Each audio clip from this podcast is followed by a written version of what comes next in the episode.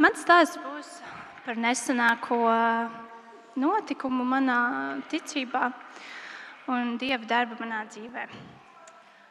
Pēdējos sešus mēnešus, kā jau es ceru, jūs zināt, mūsu sieviešu vakaros mēs veltām laiku, lai svētais gars uzrādītu lietas dzīvē, ko esam palaiduši garām. Vai arī atstumušas, bet caur kurām Dievs grib mūs dziedināt un celt draugu galu beigās.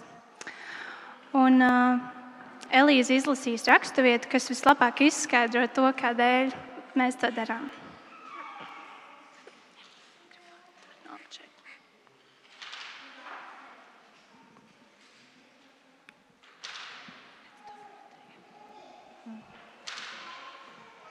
Lai augstu teikts ir Dievs un mūsu kungs, Kunga Jēzus Kristus Tēvs, līdzjūtības Tēvs un iep, iepriecinājuma Dievs, kas mūs iepriecina visās mūsu ciešanās, lai arī citus, kas nonākuši ciešanās, mēs varētu iepriecināt ar to, ar to iepriecinājumu, ar kādu Dievs mūs pašus ir iepriecinājis.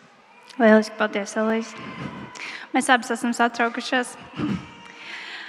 Um, nu jā, un tas, ko mēs darām, ir, uh, mēs tā teikt, ne, nu, var tā teikt, dodam iespēju Dievam mūs iepriecināt mūsu ciešanās, un pēc tam tas uh, vairojās, un mēs varam iepriecināt citus ar to, ka mēs esam gājuši cauri.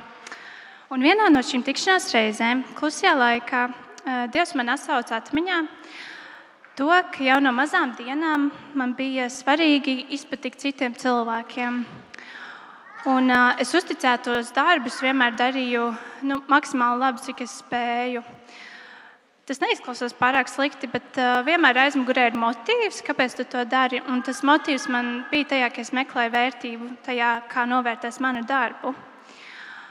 Un, uh, tas tā bija dažādu iemeslu dēļ bērnībā, bet svarīgākais, ko svētais gars man lika saprast, ir, ka šī performance un performēšana un augstās prasības pret sevi seko man arī tagad. To es esmu pamanījis kā sievai, kā mammai, bet šonadēļ es to īpaši pamanīju, arī kā kristie, kristietei. Jo nu, būšana kristietei man vijās cauri visai dzīvei, un tāpēc es sagaidu no sevis to, kas ir rakstīts. Un uh, Dievs šo vēlmi performēt un uh, perfekti izdarīt tās lietas, kas man ir uzticētas, kā būt mammai vai sievai, uh, parādīt caur diezgan muļķīgu situāciju šajā nedēļā. Uh, mēs ar ģimeni bijām pludmalē otrdien, un es šūpināju noru. Man grāmatā ir nedaudz par lielu. Es šūpināju noru, un man tas grāmatā noslīdēja un iekrita smeltīs un es nevarēju viņu atrast. Bet, ja jūs redzat no tālu, man ir divi gradzeni. Un viens ir sadarināšanās, viens ir laulības. Un kamēr es meklēju pirmo gradzenu, man pazuda arī otrais gradzens. Tieši tik muļķīgi bija šī situācija. Un, protams, ka šie gradzeni ir īpaši. Un, uh, mēs ar Nortu bijām divi tā pie tām šūpolēm. Un es ļoti centos atrast to gradzenu, lai man nebūtu vīram jās, jāsaka, ka man vairs nav gradzena, bet ka es viņu atradu. Um, bet nē, man tomēr bija tas viņam jāpastāsta. Un, mēs uh, gājām apakaļ pie Artūra.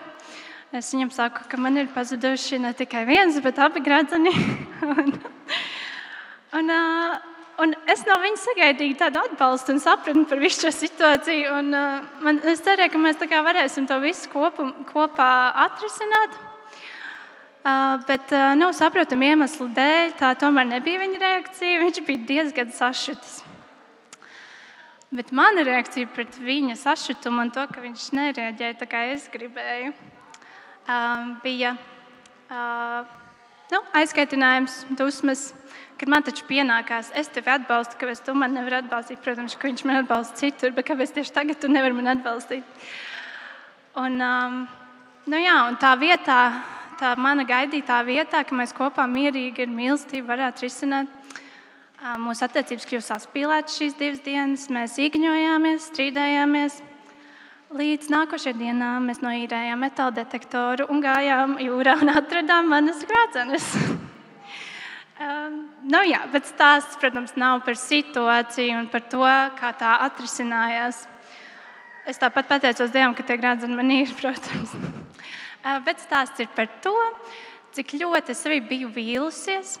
Um, ka šajā visā pret vīru es nespēju būt pazemīga, pacietīga, nemeklēt savu labumu, neskaisties. Ja viss tas, kas ir rakstīts mīlestības nodaļā, korintiešos, un domāju, kur tad ir tie svētā gara augļi. Un, nu jā, šī vilšanās, šajā vilšanās par sevi es sēdēju vēl pāris dienas. Līdz beidzot es nopietni veltīju vismaz stundu, lai lūgtu Dievam atdošanu un gūt iepriecinājumu tieši tā, kā Elīze lasīja. Un uh, pienāca darba nedēļas beigas. Mēs ar Arthuru bijām izlīguši, tur viss bija kārtībā, un Dievs man bija arī iepriecinājis. Bet man uh, nedēļas beigās vienmēr par svētību ir satikt savu garīgo atbalstu personu, Hiecinti. Un, uh, un es ļoti pateicos Dievam par draugu un par to, ka Viņš ir veidojis mūs būt kopā. Un uh, Hiecinta man nodeva to, ko Svētais Gars viņai bija atgādinājis, kad es stāstīju to savu situāciju. Un tā ir pavisam vienkārša lieta, ko es jau sen zināju, kad šeit uz zemes mēs, kristieši, mēs taču turpinām grēkot. Nav tā, ka mēs pēkšņi kļūstam pilnīgi bezgrēcīgi.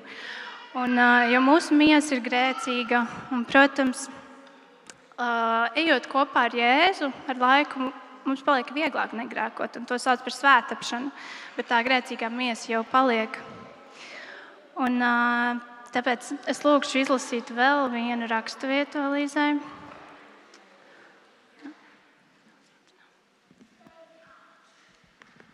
Nelās ievads. Tur Pāvils uh, raksta romiešu draudzē. Mēs zinām, ka bauslība ir garīga, bet es esmu mie miesīgs pārdots grēka verdzībā. Es, es ne, neapjēdzu, ko pats daru, jo es nerīkojos tā, kā gribu, bet daru to, ko pats ienīstu. Bet, ja daru to, ko negribu, tad es piebalsoju bauslībai, ka tā ir laba. Tā ir laba.